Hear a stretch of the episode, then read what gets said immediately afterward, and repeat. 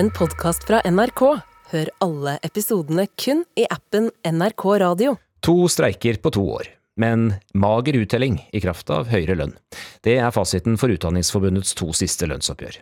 Men forbundsleder Steffen Handal gir seg ikke. Han varsler nye lønnskrav i vår, som skal bidra til å gi landets lærere økt kjøpekraft. Men han møter ikke bare motbør hos arbeidsgiverne i kommuneorganisasjonen KS, også det mektige fagforbundet i LO har innvendinger. Forbundet mener nemlig det er de lavtløntes tur, og argumenterer med at den høye prisveksten treffer denne gruppen av kommuneansatte hardest. Det er vorspiel foran lønnsoppgjøret i dagens Politiske kvarter.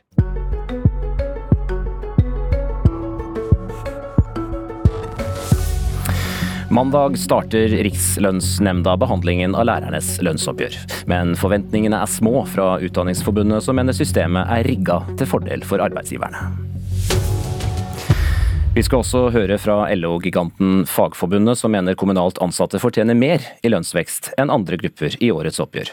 Men først. Fjorårets lærerstreik ble avbrutt av regjeringa med tvungen lønnsnemnd. og Nå skal altså Rikslønnsnemnda avgjøre hva lærerne skal få etterbetalt. Eh, velkommen til Politisk kvarter, Steffen Handal. Du er leder i Utdanningsforbundet. Hvorfor har du ikke så store forventninger til hva som blir utfallet? Nei, Vi har jo satt oss grundig inn i saken og sett på hva som er praksis når uh, disse tvungne lønnsnemndene ender opp i Rikslønnsnemnda. og Erfaringen viser jo at arbeidsgiver får medhold i veldig mange av sakene. Jeg tror Fafo gjorde en undersøkelse og så på en tidsperiode hvor det hadde vært 39 saker til behandling, og bare én av sakene endte med at arbeidsgiver ikke fikk medhold. Og Det betyr jo at etter all sannsynlighet så vil KS her få støtte i Rikslønnsnemnda for eh, å straffe lærerne hardt for både eh, å ha streiket og også gi oss et eh, dårlig virkningstidspunkt. Det kommer til å koste norske lærere dyrt. Og kommunene vil ha nok en grunn til, neste gang det blir en eventuell streik, å lene seg tilbake, vente på tvungen lønnsnemnd og få støtte i Rikslønnsnemnda igjen. Og Sånn sett så fører dette systemet til at maktbalansen mellom arbeidsgiver og arbeidstaker blir dårligere. Og Det kan på sikt også ramme befolkningen. for Hvis vi ikke klarer å få gjennomslag for kravene til sykepleiere og lærere gjennom streik, så vil de sakke akterut i lønnskampen. Og da vil privat sektor stikke fra i, i kampen om de kloke hodene. Og det vil ramme skoler, barnehager, elever og pasienter.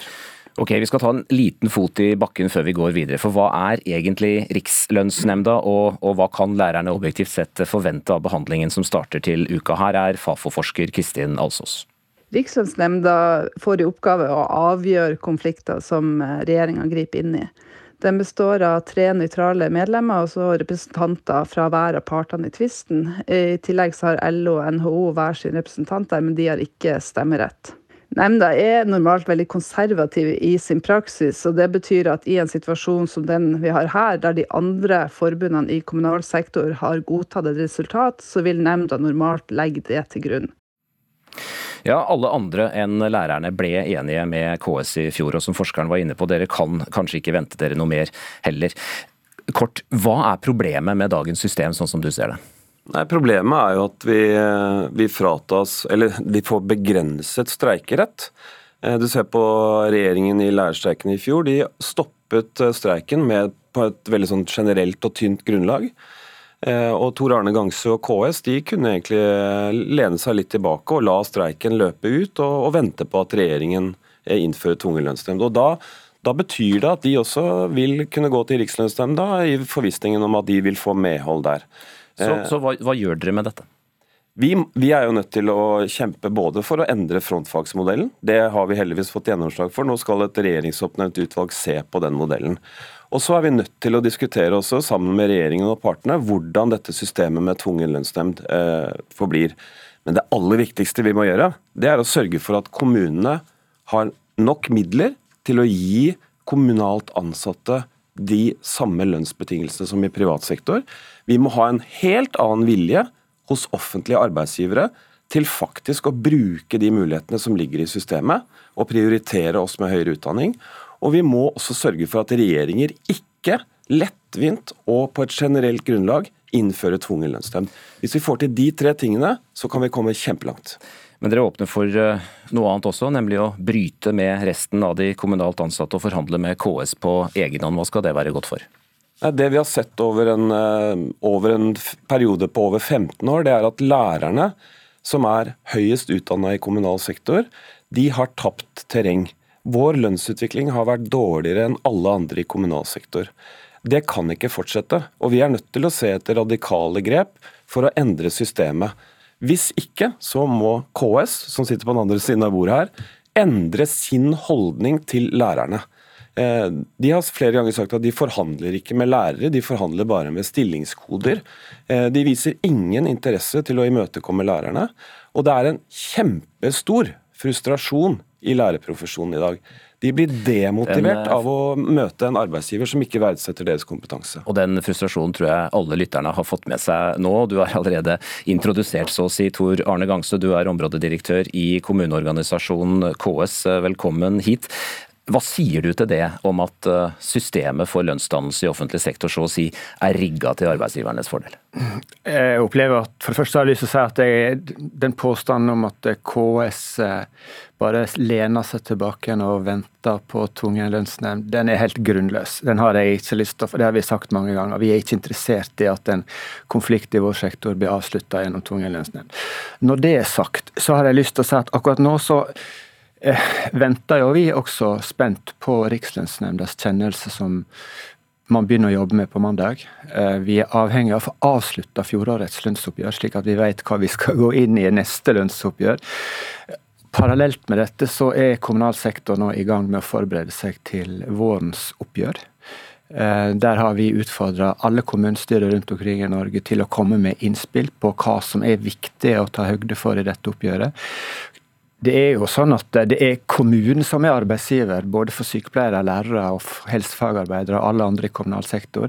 KS er en arbeidsgiverorganisasjon. Vi har i utgangspunktet ingen mening om hvordan et lønnsoppgjør skal ende ut. Vi er avhengig av tilbakemeldinger fra kommunene, og den prosessen holder kommunal sektor på med akkurat nå. Vi er veldig spent på hva slags tilbakemeldinger vi får fra kommunene. Men, men, tilbake til spørsmålet. altså En privat arbeidsgiver taper penger på streik. Eh, kommunene sparer penger på streik. Og når regjeringa kommer med tvungen lønnsnemnd, så sparer kommunene ytterligere penger. Så hvordan skal lærerne vinne fram med sine krav i et slikt system, når vi også hører at eh, behandlinga i Rikslønnsnemnda har en tendens til å favorisere arbeidsgiversiden? Nå har vi to prosesser som er iverksatt. Altså, statsministeren har jo tatt initiativ til at det blir nedsatt et arbeid knytta til norsk økonomi og lønnsdannelse. Og arbeidsministeren har etter råd fra alle partene, også fra Unio og KS, satt i gang og invitert til en prosess som skal se på hvordan vi som nasjon bruker tvungen lønnsnemnd. Viser ikke dette at dette er en problemstilling som flere ser? Vi er jo klar over at det er viktig å se på hvordan bruken av tvungen lønnsnemnd blir håndtert i praksis. Hva med dette kravet som Utdanningsforbundet øh, åpner for nå, da, om å bryte ut og forhandle lønn som en del av et eget lønnskapittel i KS-området? Er det greit for dere? Vi har eh, hørt at Utdanningsforbundet snakker med seg selv om dette spørsmålet. Og vi skal jo selvfølgelig ta det på høyeste alvor når vi setter i gang med forhandlinger. Men nå skal vi først gjennomføre et mellomoppgjør. Og mellomoppgjøret handler i vår, vår hovedavtale først og fremst om økonomi. Det er lite rom for å gjøre strukturendringer i et mellomoppgjør. I så fall så er det et eh, helt naturlig tema å komme tilbake igjen til i, i oppgjøret i 24. Helt, helt, helt kort, Handa. Handal. Ja, det er, eh, det er både problemer med systemet, men det er også problemer med viljen her. Eh, I fjor, da streiken ble avsluttet, så sa styrelederen i KS at nå måtte vi se framover. Ved inngangen til Rikslønnsnemnda så prosederer KS inn i nemnda på det verst tenkelige utfallet for lærerne. Altså De skal straffe oss med den dårligste virkningsdatoen som det er mulig å, å, å få til. Ja, dette, er, dette er litt komplisert, men dette handler om når man skal beregne lønnsveksten fra. altså Man skal ta utgangspunkt i høst, slik KS vil, eller i juni, eh, slik dere åpner for, og en, en halv milliard omtrent i, i, i, i forskjell. Nettopp. Eh, og her er det vondt i viljen altså i KS, for de kunne prosedert på det de egentlig ønsket seg underveis i meklingen. Eh, og det Vil, vil, du, vil du svare på dette, Gangsø? Nå går vi jo skal vi si, direkte inn i behandling av Rikslønnsnemnda. Nei, det helt, vil være helt feil å gå inn i Rikslønnsnemndas behandling av disse sakene. Jeg opplever at det har vært en god prosess. Prosessen er ganske omfattende. både Utdanningsforbundet og de to andre lærerorganisasjonene har jo spilt inn både skriftlig, eller alle skriftlige innspill til Rikslønnsnemnda. KS har gjort det på samme måten, og vi har svart på våre innspill. Så nå gjenstår jo Rikslønnsnemndas behandling. Så får vi jo tillit til at Rikslønnsnemnda kommer fram til en løsning som vi alle sammen kan jobbe videre. Ok, vi skal, vi skal, hente inn Fagforbundets eh, leder også, Mette Nord. Du er med oss fra Porsgrunn og representerer den aller største arbeidstakerorganisasjonen i kommunesektoren. Deler du lærernes misnøye med Rikslønnsnemnda og dette systemet med tvungen lønnsnemnd som vi har?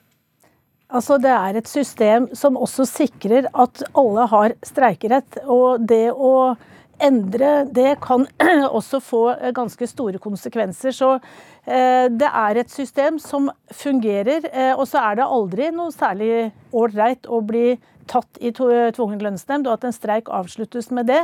Eh, vi har også opplevd det, og det er surt. Men eh, samtidig så er det et system som som også bidrar til at vi har eh, en streikerett i, eh, blant yrker som, som ville eh, kanskje ha vært unntatt det hvis vi ikke hadde det systemet. Så her er det men enn så lenge så vil vi jo vel si at vi støtter opp om de eh, virkemidlene man har knytta til det forhandlingssystemet som vi har. Din egen nestleder sitter jo for så vidt i, i Rikslønnsnemnda, men til deres egne krav. Du mener ansatte i norske kommuner bør få mer i lønn enn alle andre arbeidstakere i eh, år. Hvorfor det? Jo, Vi ser at når vi nå for tredje år på rad får tallene fra regnskapet fra i fjor, så ser vi jo at vi eh, har sakka akterut. Eh, privat sektor tar ut mer eh, enn det som var forventa. Så kan man si at det er bra at det går eh, godt i norsk arbeidsliv, men kommunesektoren kan ikke eh, sakke akterut år etter år, fordi det vil også kunne ramme norske kommuner med at du får kompetanseflukt. Eh, vi trenger alle de kloke hodene og hendene og beina vi har i kommunesektoren. Og hvis vi opplever at vi eh, år etter år blir sakkende akterut, så kan det få ganske dramatiske konsekvenser. Men dere vil ikke prioritere lærerne spesielt, og i stedet løfte egne grupper av kommunalt ansatte med lav lønn. Hvorfor det? Vi har jo alle, eh, bare for å ha sagt det, vi har alle eh, inntektsgrupper eh, i vår medlemsmasse. Vi er opptatt av hele laget, men vi er jo i en veldig spesiell situasjon med et galopperende prisnivå på helt nødvendige husholdningsvarer. Strøm, bare for å ha sagt noe om det, og også energi for øvrig. Og dermed så vil jo de med de laveste inntektene har en større belastning enn de med høyere inntekter. Men vi ser hele laget. Vi skal ha en god fordeling, sånn at eh, alle som bidrar inn med sin kunnskap og sitt arbeid, selvfølgelig skal ha sin andel av eh, den økonomiske veksten som landet har. Ok, eh, Handal, nå, nå, hører du hva LO sier. De vil prioritere hele laget, men spesielt de med lav lønn. Altså ikke lærerne, som du er spesielt opptatt av. Ja, I fjor så var jo LO veldig kritiske til Unio, som pekte på svakhetene med modellen. og Jeg er veldig glad for at LO nå har snudd, og også ønsker at kommunalt ansatte skal få mer penger. Men minner Mette Nord om at hun ikke støttet lærerstreiken i fjor, selv om de sa at de skulle prioritere lærerne i fjor. Og nå er det altså de lavtløntes tur, og jeg har lyst til å spørre Mette Nord om ikke hun jeg syns at det er svært problematisk at eh, vi, vi, vi taper terreng eh, i kommunal sektor i stort, men også at vi mangler veldig mange sykepleiere og lærere.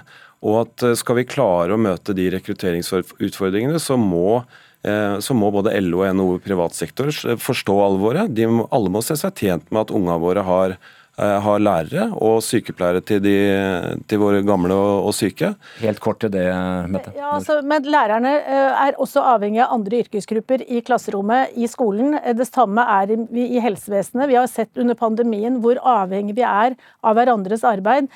Og da vil det være ganske umusikalsk at vi nøkker ut noen grupper. Vi er en del av et lag, alle sammen, og vi må sikre at alle også er med i lønnsutviklingen. Det vil bidra til bedre arbeidsmiljø, det vil bidra til bedre samarbeid, samhandling. Eh, at vi har respekt for hverandres arbeid, og det må også gjenspeiles i eh, lønnsutviklingen for de ulike gruppene. Gangsø, det, Gangsø, det høres ut som det blir et, eh, det høres ut som det blir et dyrt oppgjør for norske kommuner? Du, det, Dette er jo en interessant diskusjon. Den forteller egentlig litt av det dilemmaene vi står i, og de motsetningene som vi skal klare å håndtere i et lønnsoppgjør. Men jeg har lyst til å avslutte med å si at vi er opptatt av at frontfagsmodellen må overleve.